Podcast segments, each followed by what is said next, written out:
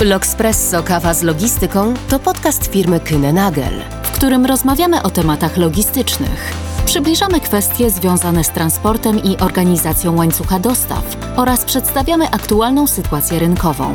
Po to, byś zawsze był na bieżąco dla swojego biznesu. Zapraszamy do wysłuchania.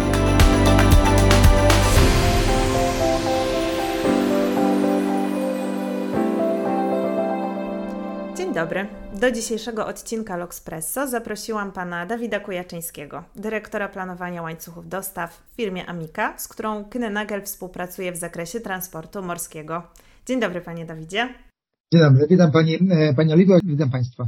E, porozmawiamy dzisiaj o współpracy i o tym, co ją buduje, o największych wyzwaniach e, w łańcuchach dostaw, a także o tym, jak automatyzacja i digitalizacja pomaga logistykom. E, dziękuję, że przyjął Pan moje zaproszenie i zacznę może od tego, z jakimi wyzwaniami na co dzień się Pan mierzy, zarządzając łańcuchami dostaw? No wyzwaniami to jest dobre, dobre słowo. W ostatnich, aktualnie czy w ostatnich latach, tak naprawdę możemy sobie powiedzieć od ostatnich trzech lat, no wyzwań E, przy zarządzaniu łańcuchu dostaw na pewno nam nie brakuje. E, jednym słowem nazwałbym to pewnie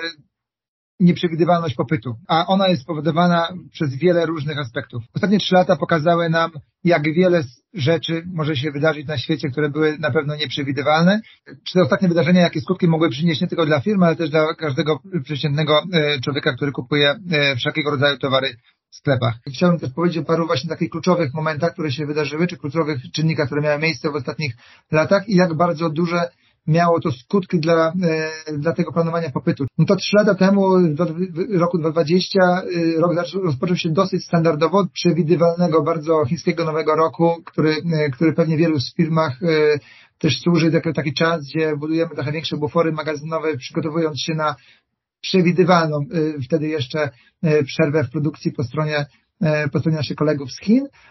Więc zaczynało się dosyć standardowo. W momencie, kiedy teraz pandemia wybuchła na początku w Chinach, w miejscowości Wuhan, jak dobrze pamiętam, nie wiem też jak w Państwa firmach, ale w większości firm z tego, co, co się kontaktowałem, to, to wszelkie scenariusze, które były wtedy wyliczane, czy wszystkie takie, takie scenariusze alternatywne, coś, jaki to może być skutek dla nas, to były obarczone tylko i wyłącznie o to, że dobra, jest COVID w Chinach, Chiny są teraz pozamykane, mamy fajnie, że mamy bufor na chiński nowy rok zbudowany, więc mamy tam jeszcze 2, 3, 4 tygodnie e, możliwość, e, mamy 4 tygodnie zabezpieczone, e, ale na ten czas mało kto przewidywał, że ten wirus się tak bardzo rozprzestrzeni i jakie będzie miało skutki dla całej takiej gospodarki światowej jeszcze. I w momencie, kiedy wirus pojawił się chyba w Austrii po raz pierwszy w Europie i zaczęło się to sytuacja się bardzo mocno odmieniła i większość firm zaczęło wtedy e, z takiego powiedzmy w miarę optymistycznego jeszcze podejścia do, do planowania sprzedaży czy do planowania popytu, e, zaczęła sytuacja zupełnie się odwróciła. E, firmy zaczęły mieć bardziej takie czarne scenariusze, że wszystko trzeba będzie się zamykało, że e, rządy nas pozamykają w okolicach pandemii właśnie w domach, popyt siądzie prawie że do, e, do zera. E, skutkowało to oczywiście też e, odpowiednimi decyzjami biznesowymi, które miały na skutek, e, na skutku właściwie zredukowanie potencjalnych skutków takiej właśnie, takiej, takiego scenariusza jeszcze. No i to się faktycznie wydarzyło. No kwiecień 2020 to był pewnie słabszy miesiąc w większości, większości państwa firm, gdzie ten popyt był na pewno mniejszy, panowała bardzo duża niepewność na rynku, to był początek pandemii. W Europie, wszyscy byliśmy pozamykani w domach, nikt nie wiedział do końca na co to się przełoży, jakie będą skutki, więc, e, więc taki powiedzmy, że też chęć wydawania e, pieniędzy czy kupowania różnego rodzaju produktów było bardzo mocno e, wtedy limitowane ale trwało to dosyć krótko. E, kwiecień, później już maj, e, sytuacja się e, odwróciła, zaczął popyt bardzo mocno rosnąć. Na całym świecie ludzie zaczęli się troszkę swobodniej czuć w tej pandemii, powiedzmy, jeżeli można takie słowo użyć tak, na, tamten, na tamten czas, ale ludzie zobaczyli, że, że w tej pandemii da się nawet żyć, byli faktycznie pozamykani w domach, w związku z tym nie było możliwości wydawania pieniędzy na wakacje, restauracje, więc to na pewno branże, które były mocno mocno dotknięte w tamtym czasie, ale e, wszelkiego rodzaju inne takie dobre, cały e-commerce się bardzo mocno rozwinął w tamtym czasie, ludzie zaczęli na potęgę kupować przez internet, e, więc wszystkie takie biznesy około internetowe zaczęły się mocno rozwijać i takie branże też około no, związane z budownictwem ogólnie pojętym, czyli remonty w domach i tak dalej, to na pewno było takie takie małe boom. I na tamten czas jakby nieprzewidywalne, no bo w kwietniu raczej były scenariusze w drugą stronę nastawione, czyli to, będzie raczej dłuższa perspektywa takiego bardziej spadku popytu niż, niż wzrostu. No to był maj lepszy, później kolejne miesiące Kolejne miesiące to zaczęły potwierdzać i wtedy firmy w różnym momencie zaczęły to dostrzegać, że to jest dłuższy trend, a nie tylko chwilowe. No i myślę, że to z perspektywy całej gospodarki światowej, e, nie pomylę się jak powiem, że taki wrzesień 2020 e, to był okres, gdzie firmy zaczęły już na potęgę dostrzegać, że popyt jest bardzo wysoki. Właściwie mieliśmy jedno duże takie światowe źródło dostaw, myślę o Dalekim Wschodzie, bo, e, czy Chinach i, i Azji, powiedzmy ogólnie pojętej, bo wszystkie inne pozostałe kraje kraje europejskie czy, czy Ameryki były w mniejszy czy większy sposób dotykane wtedy różnymi sankcjami związanymi jeszcze z, jeszcze z COVID-em. No i spowodowało to, co pewnie też Państwo jako Kinnagal e, bardzo mocno chcieliście oczy, czyli właśnie popyt na, na transporty z Dalekiego Wschodu, e, popyt na no sam towar to jest jakby oczywiście, ale później też popyt na kontenery, na statki, zaczęło brakować tonażu w statkach, armatorzy podejmowali decyzje o o wyprodukowaniu nowych, no ale tutaj czas okresy to jest około dwa lata, żeby pewnie dwa, trzy lata, żeby statek e, powstał, więc to no, nie można było tak od ręki, e, od ręki zareagować. Więc końcówka 2020 z kolei to była wielka niepewność o to, czy nasze zamówione towary u naszych dostawców e, będą dostarczone, czy nie będą. To jest jakby jeden aspekt niepewności. Drugi to był na pewno aspekt cenowy. Ceny nam rosły właściwie już nawet nie z miesiąca na miesiąc, tylko z tygodnia, z dnia na dzień właściwie te ceny rosły w tamtym czasie, więc to, e, to bardzo mocno było też e, zauważalne i trzeba było temu wszystkiemu e, przeciwdziałać. I w momencie, kiedy w grudniu, styczniu, już to jest styczeń, to był następny 21, kiedy już się wydarzało, że w jakiś sposób się człowiek do tego, do tego obrazu, czy ówczesnej sytuacji się mógł już przyzwyczaić, no to E, w marcu mieliśmy, e, mieliśmy wtedy Suez, e, czyli blokadę kanału sueskiego właśnie przez sześć dni, która jeszcze bardziej spiętrzyła te wszystkie problemy, które miały, które miały miejsce. I tak jak na początku też większość pewnie zmartwień szła w kierunku takim, że no, utknęły nam nasze kontenery gdzieś jeszcze na południowej części kanału sueskiego, w związku z tym nie dopłyną do Europy w ciągu teraz paru dni, tak jak planowane było, to jeszcze w tamtym czasie, tylko pewnie będziemy mieli jakieś opóźnienia tam no powiedzmy, że około tygodniowe czy dwóch, to się później okazało, że te fakty że dużo większą konsekwencją to były te kontenery, które utknęły po północnej stronie kanału i nie mogły wrócić y, do Chin, no bo w momencie tak rozgrzanego rynku, gdzie popyt był y, bardzo, bardzo wysoki, to y, nasi dostawcy, powiedzmy azjatyccy, nie mieli w dużym skrócie oczywiście mówiąc, ale nie mieli w co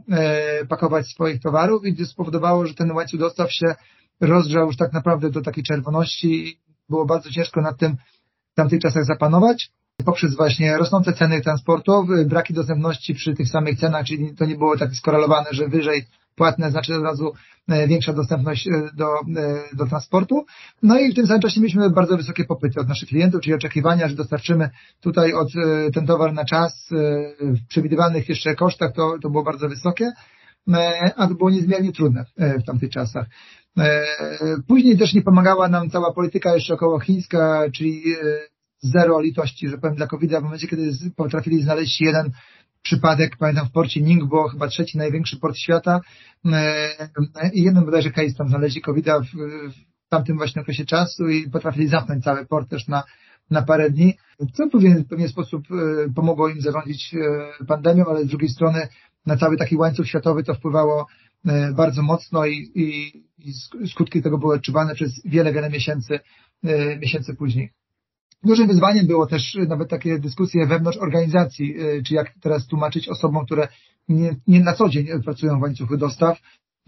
że właśnie blokada kanału sueskiego sześciodniowa tylko i aż się wydawało, bo w telewizji można było dowiedzieć, że tam sześć dni pan z koparką walczył i odblokował ten kanał, ale to było tylko sześć dni, ale no, skutki były odczuwane wiele miesięcy jeszcze później, no bo tak jak wspomniałem, to miało określone konsekwencje zaburzony był ten cały przepływ kontenerów, czy w jedną, czy w drugą stronę, więc to miało bardzo duże, duże przełożenie na, na wiele miesięcy później, a jeszcze potęgowane przez te, powiedzmy, chińskie różnego rodzaju problemy, jeżeli chodzi o o, o COVID i, i zamykanie tych portów, to na pewno nie, nie pomogło. No i w momencie, kiedy już jak kolejny, kolejny, w kolejnym roku już też wszyscy my wiecie, myśleli, że już się zaczyna jakoś stabilizować, już z covid wszyscy po kolei wychodzą, no to, no to pojawiła nam się wojna, a wojna to już wiemy, jakie skutki, yy, skutki przyniosła, no oprócz takich najbardziej tragicznych dla yy, około ludzkich, powiedzmy to jeszcze te gospodarcze, też bardzo mocny wzrost inflacji, znowu popyt, z kolei bardzo mocne wstrzymanie się tego popytu, więc to tak naprawdę ta, ta, ta dźwignia, taka, można powiedzieć o takim optymizmie rynkowym, to, to ona była raz w prawo, raz w lewo taka, taka przeciągana. I to była ta najtrudniejsza najtrudniejszy aspekt, żeby to przewidzieć, że to nie mówiliśmy sobie o zmianach popytu, że to o 5-10% coś tam się zmieniło, tylko z czarnego scenariusza na takie powiedzmy chore optymistyczne, żeby później z powrotem go przełączyć na, na ten czarny w momencie, kiedy, kiedy się rozpoczęła wojna i du, duża taka niepewność, czy to potrwa miesiąc, dwa, pięć, rok. Yy, teraz jesteśmy już ponad yy, półtora roku, jak, jak wojna trwa i końca w sumie też nie widać, więc E, więc też trzeba się trochę już tak, e, no, mówię, z punktu widzenia takiego mocno gospodarczego e, oswoić z tym faktem i dostosować właściwie do czasu, powiedzmy, tego, co się dzieje, co się dzieje teraz. No i być gotowym na to, co się może wydarzyć w przyszłości, no bo w pewnym momencie koniec tej wojny też będzie miał swoje konsekwencje takie gospodarcze, czy, czy teraz mamy konflikt swojej w Izraelu. No tego się dużo dzieje teraz jeszcze i na tym trzeba być bardzo czujnym i, i cały czas na bieżąco śledzić sytuację i odpowiednio reagować, jak się tego da. Wszystkie te wydarzenia które miały miejsce w ostatnich trzech latach powodowały, tak jak wspomniałem wcześniej, właśnie bardzo duże zmiany popytu i to było chyba największe, największe wyzwanie, jak temu sprostać, jak to, jak to przewidzieć, e, żeby się odpowiednio można było do odpowiednich sytuacji przygotować. E, pomimo tego, że one wydają się, przynajmniej część z nich w jakiś sposób nieprzewidywalne, no to trzeba nad tym, e, nad tym panować. A czy te zmiany popytu, one jakoś się troszkę ustabilizowały, czy cały czas jakby to jest takie rozchwiane od czasów i wojny, i pandemii? To znaczy jest to cały czas, rynek jest bardzo rozgrzany, jest bardzo, teraz wszyscy na pewno też e, bacznie obserwują, co się dzieje, e, co się dzieje na rynku, też e, zmiany polityczne na to mają wpływ, odpowiednie decyzje co do stóp procentowych i tak dalej, to odpowiednio ma mniej czy bardziej gospodarkę rozruszać, więc to na pewno dynamika zmian jest cały czas bardzo wysoka, aczkolwiek na pewno nie tak wysoka, jak to miało miejsce w okresie 2020-2021, no, gdzie, gdzie pandemia spowodowała no, gigantyczne zmiany nastrojach konsumentów czy klientów końcowych do, na całym świecie. Tutaj mówimy o, o teśmy cały czas, bo porównując się z takimi stacjonarnymi czasami, które miały miejsce tam 5-6 lat temu, pewnie to każdy powiedział, że teraz dzisiejsza sytuacja też jest bardzo dynamiczna, ale na pewno mając na uwadze, co się wydarzyło w ostatnich dwóch latach, dynamika jest, jest mniejsza, aczkolwiek cały czas wysoka. E, panie Dawidzie, jeszcze chciałam zapytać, e, no bo na pewno to zmieniło też Waszą organizację pracy. No głównie pandemia i wojna oczywiście. E, jak to wpłynęło na Was w ogóle, na Waszą organizację pracy właśnie? Więc nie tylko na biznes, ale na Was. To znaczy, to, te, te, te wydarzenia, które miały miejsce w ostatnich trzech latach, wpłynęły, myślę, że na wszystkie firmy, nie tylko, tylko Amika. Oczywiście Amika też e, została w jakiś sposób e, dotknięta i wpłynęło właśnie to na e, różnego rodzaju zmiany, ale tylko w takich obszarach bym to powiedział. Po pierwsze, na taki standard pracy, takiej powiedzmy codziennej jeszcze, to na pewno no cała, cały, cały pakiet pracy zdalnej się pojawił jeszcze, który wcześniej był mniej czy bardziej powiedzmy popularnym zjawiskiem. W momencie pandemii stał się stał się takim czymś standardowym, bardzo, e, bardzo takim na, na, na co dzień używanym e, i pokazało to też, że, że praca zdalna nie, nie oznacza mniejszej wydajności, pewne, w pewnie wielu przypadkach nawet, nawet bym powiedział wręcz odwrotnie. Ludzie się do tego też przyzwyczaili, więc mamy już na stałe w ramach zasad pełniących w ramach organizacji jakby udostępnioną możliwość pracy zdalnej, więc jest to już coś, co, co zostało z nami na, na zawsze, tak zakładam, że na zawsze już zostało, a, a wcześniej przed COVID-em to nie było, e, no nie było popularne właściwie w takim rodzaje pracy, raczej wszyscy pracowali stacjonarnie e, w biurach. E, to jest jedna rzecz, później druga, druga na pewno na ilości, już mówimy o takim codziennym życiu, na pewno też ilość podróży służbowych się odpowiednio zmniejszyła, no bo się okazało, że spotkania przez Zoomy, Teamsy, E, też są e, ok, aczkolwiek uważam, że one nie, nie w 100% mogą nam zastąpić jednak spotkania takie face to face z naszymi czy partnerami wewnętrznymi, czy z klientami, to jednak, to jednak na pewno w jakiejś części mogły nam pomóc je ograniczyć i wiele spraw, projektów można poprowadzić niekoniecznie przemieszczając się fizycznie do innego kraju, a zrobić to w wersji takiej online. I to są dwie takie chyba największe aspekty, które też mi przychodzą do głowy, jeżeli chodzi o zmianę takiego trybu organizacji pracy. E, a na pewno czy nie, czy więcej, ale na pewno dużo zmian dotknęło nas też na, na szczeblu takim e, zarządzania procesami różnego rodzaju, no bo e, mieliśmy to szczęście, że Amika mocno zainwestowała już w cyfryzację e, nie tylko łańcucha dostaw, ale między innymi łańcucha dostaw e, w ostatnich latach, nawet jeszcze przed COVID-em, więc to nas bardzo mocno wspomogło w, zarządzaniu łańcuchem dostaw podczas, podczas pandemii, a sama pandemia i wszystkie zmiany właściwie, które, które opisałem krótko, które się wydarzyły w ostatnich kilku latach, tylko i wyłącznie umocniły y, właściwie tę decyzję, spowodowały y, właściwie takie utwierdzenie się, że to było bardzo słuszny, to był bardzo słuszny krok y, pójścia w kierunku takiej transformacji cyfrowej całej organizacji. No i spotęgowały, bym powiedział, jeszcze te wszystkie aktywności, które, które już były rozpoczęte, one zostały albo przyspieszone, albo zwiększona była ich skala, no bo nagle się okazało, że ta cyfryzacja, digitalizacja no powiem tu szczerze, na pewno w moim, na moim jakby obszarze, czyli łańcucha dostaw jest jest kluczowa, to był też kluczowy taki miernik czy czynnik e, sukcesu, który nam się, dzięki któremu się udało nam przetrwać e, ten, te ostatnie kilka lat i, i pewnie z dosyć dobrym, dobrym skutkiem, to, to są takie kierunki, które wpłynęły, czy, które teraz się dzieją, powiedzmy, czy się rozwijają właśnie na skutek tego wszystkiego, co się zadziało w ostatnich kilku latach. Dobrze, że Pan wspomniał o digitalizacji i automatyzacji, bo to właściwie jest moje następne pytanie, bo faktycznie y, wiele firm chyba, tak mi się wydaje, skorzystały z tego, w sensie wyciągnęły te dobre rzeczy z pandemii, rozbudowując swoją digitalizację y, w swoich organizacjach. Jak właściwie ta digitalizacja wpłynęła na łańcuchy dostaw? Jak je usprawniła? Co jest dla Was w tym najważniejsze, takie najistotniejsze w Waszych systemach? Znaczy digitalizacja odgrywa gigantyczną rolę w Amice jako całej firmie, po samym łańcuchu dostaw e, na pewno nie mniejsze. E, tak jak, jak wspomniałem wcześniej, ta, u nas zaczęliśmy digitalizować czy cyfryzować te nasz, nasze procesy głównie, myślę w obrębie łańcucha dostaw,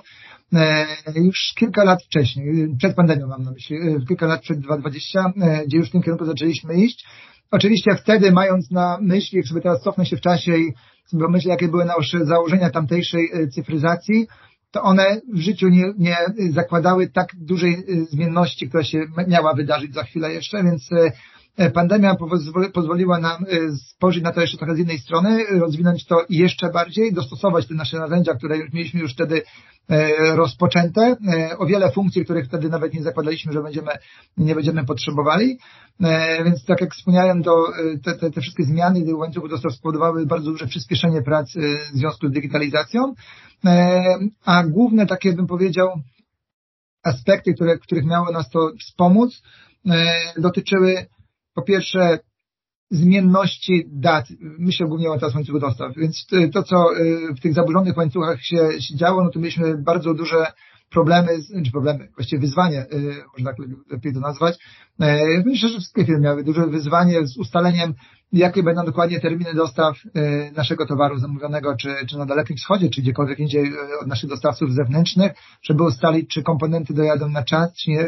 czy nie dojadą, więc to to było bardzo duże wyzwanie. E, mieliśmy oczywiście na tamten czas wiele jakichś raportów dostarczanych przez przewoźników, ale one były e, w części scyfryzowane, czyli z częścią byliśmy połączeni poprzez różne ADI, z częścią e, naszych partnerów pracowaliśmy na zasadzie wymiany informacji na Excelach i tak dalej.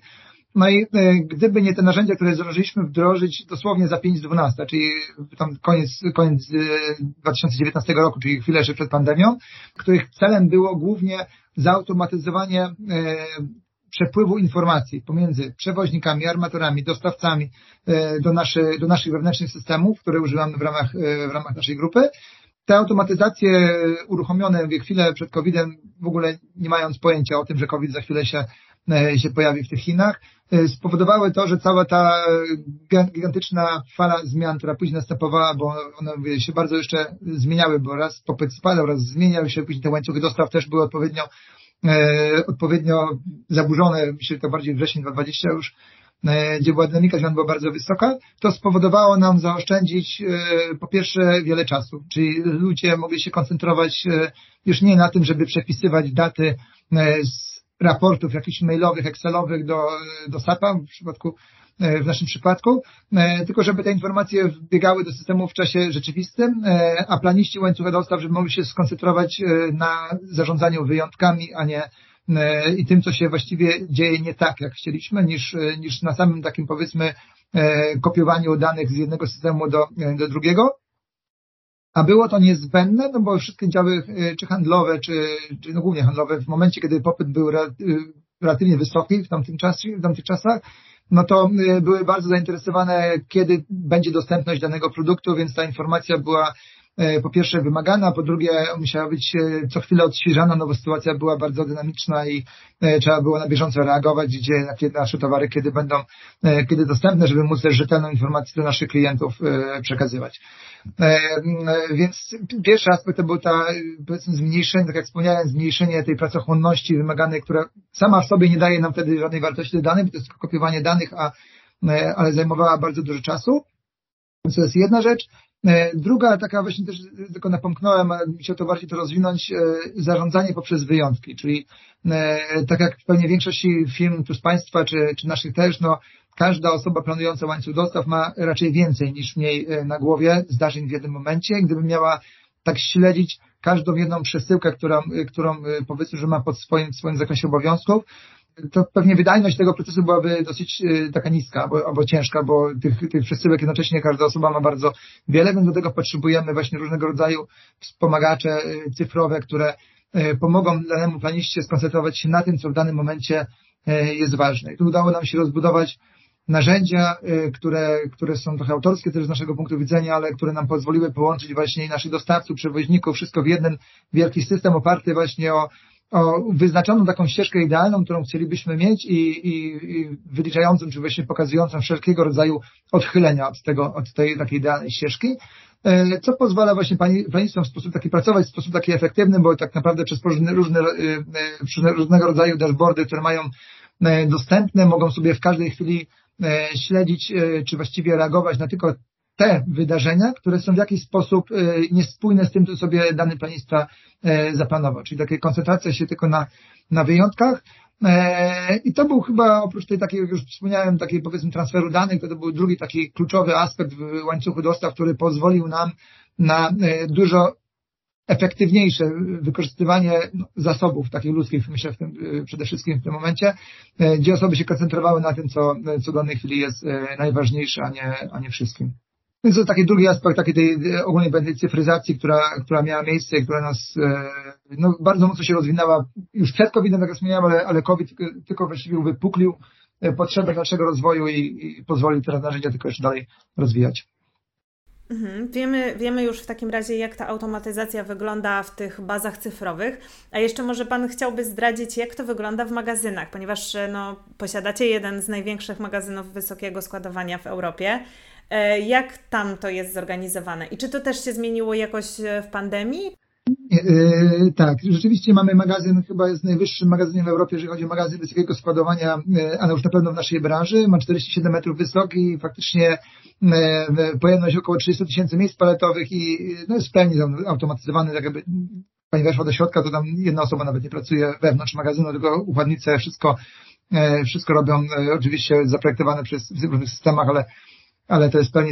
automatyzowany magazyn. On powstał jeszcze przed COVID-em.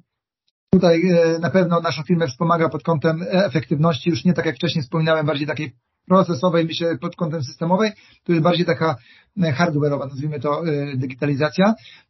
No spowodowało, spowodowało, magazyn posiada bardzo wysoką wydajność, 97-8% wydajności jest przez te parę lat, które już go używamy,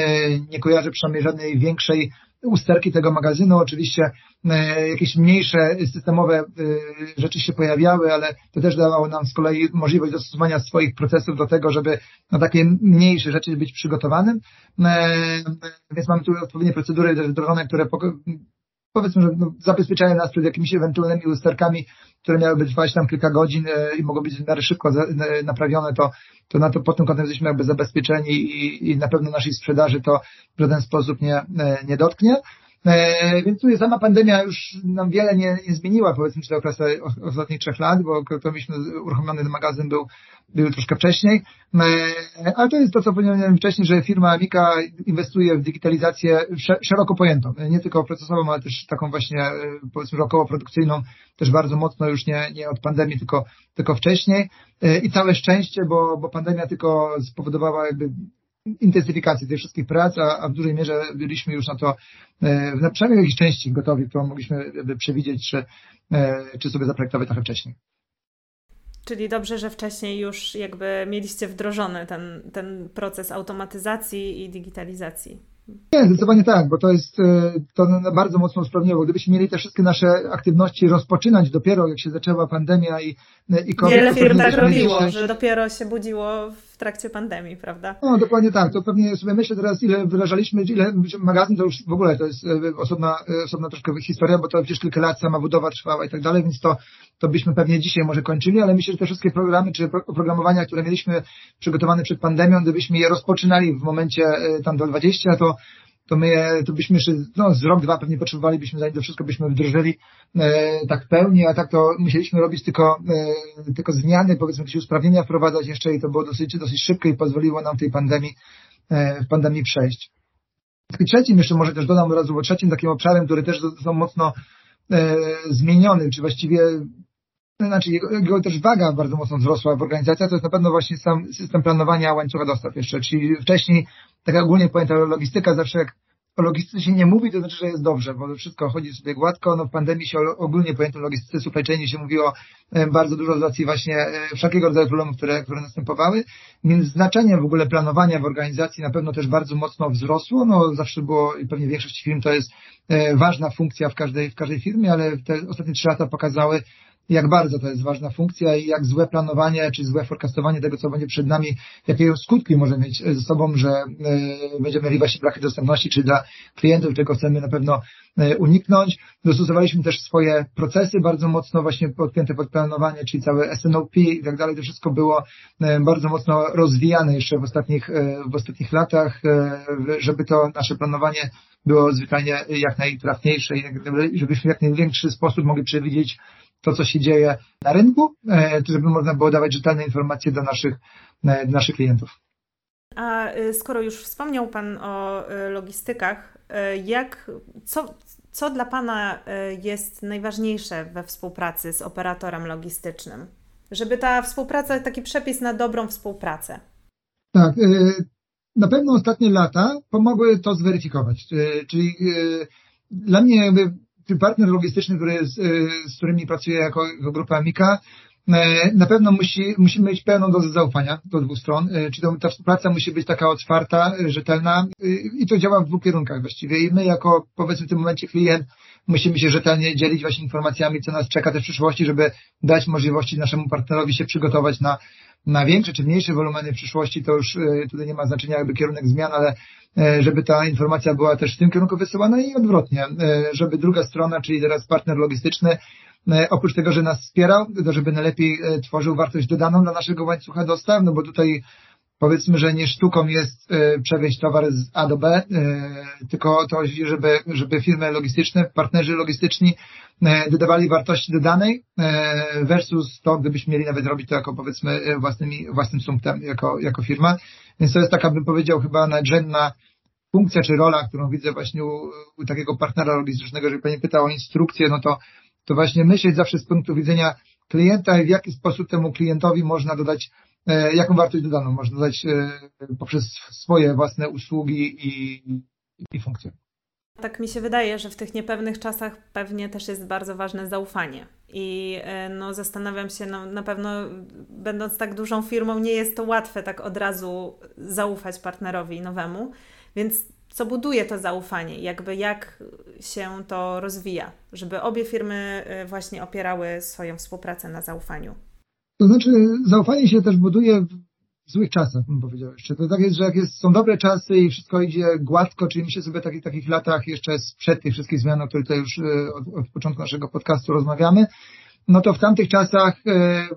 powiedzmy, że współpraca na, na, na poziomie logistycznym była na pewno łatwiejsza jeszcze. E, te czasy trudniejsze, które nastąpiły, bardzo mocno po, pozwoliły zweryfikować naszych partnerów pod kątem właśnie E, pod kątem zaufania. Czyli wiedzieliśmy, mogliśmy się bardzo szybko przekonać, komu jesteśmy w stanie zaufać, komu nie jesteśmy w stanie zaufać. E, czy kto nam daje większą właśnie poczucie tego partnerstwa, że, że mamy po drugiej stronie tego partnera, który myśli też z punktu naszego widzenia jako teraz klienta i trochę próbuje wejść w nasze e,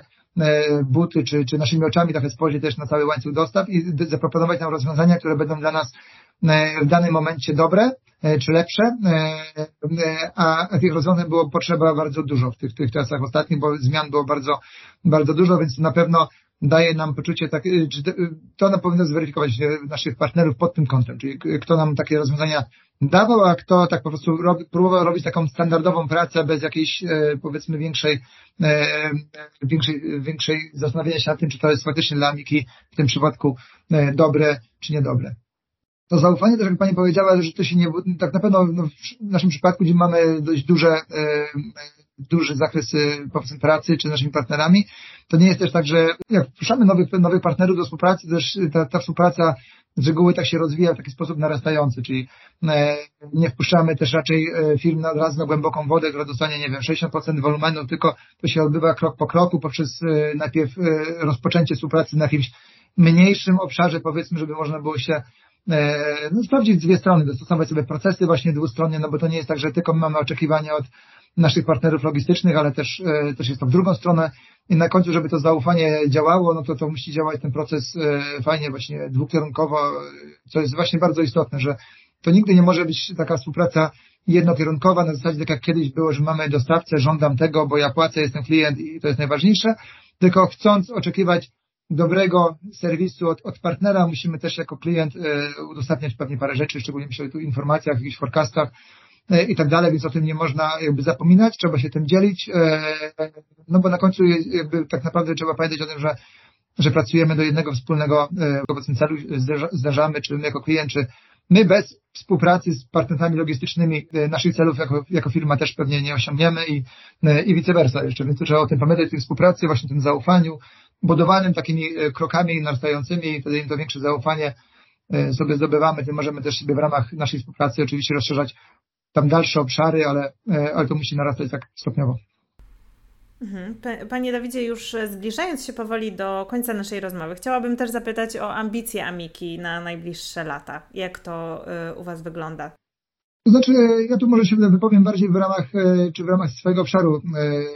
czy ogólnie pojętego łańcucha dostaw. Na pewno naszym E, dalszymi planami jest dalszy, dalszy rozwój cyfryzacji, to, to bez dwóch zdań. E, tutaj nie, nie można się w pewnym momencie jakby zatrzymać i, i powiedzieć sobie, że to, co mamy, to jest, to jest fajne. Musimy zdecydowanie jakby dalej. Tutaj myślę dalej o rozwoju właśnie na wszystkich wszelkiego rodzaju narzędzi, które dalej będą wspomagały, czy jeszcze bardziej przyspieszały E, e, przyspieszały e, przepływ informacji pomiędzy osobami.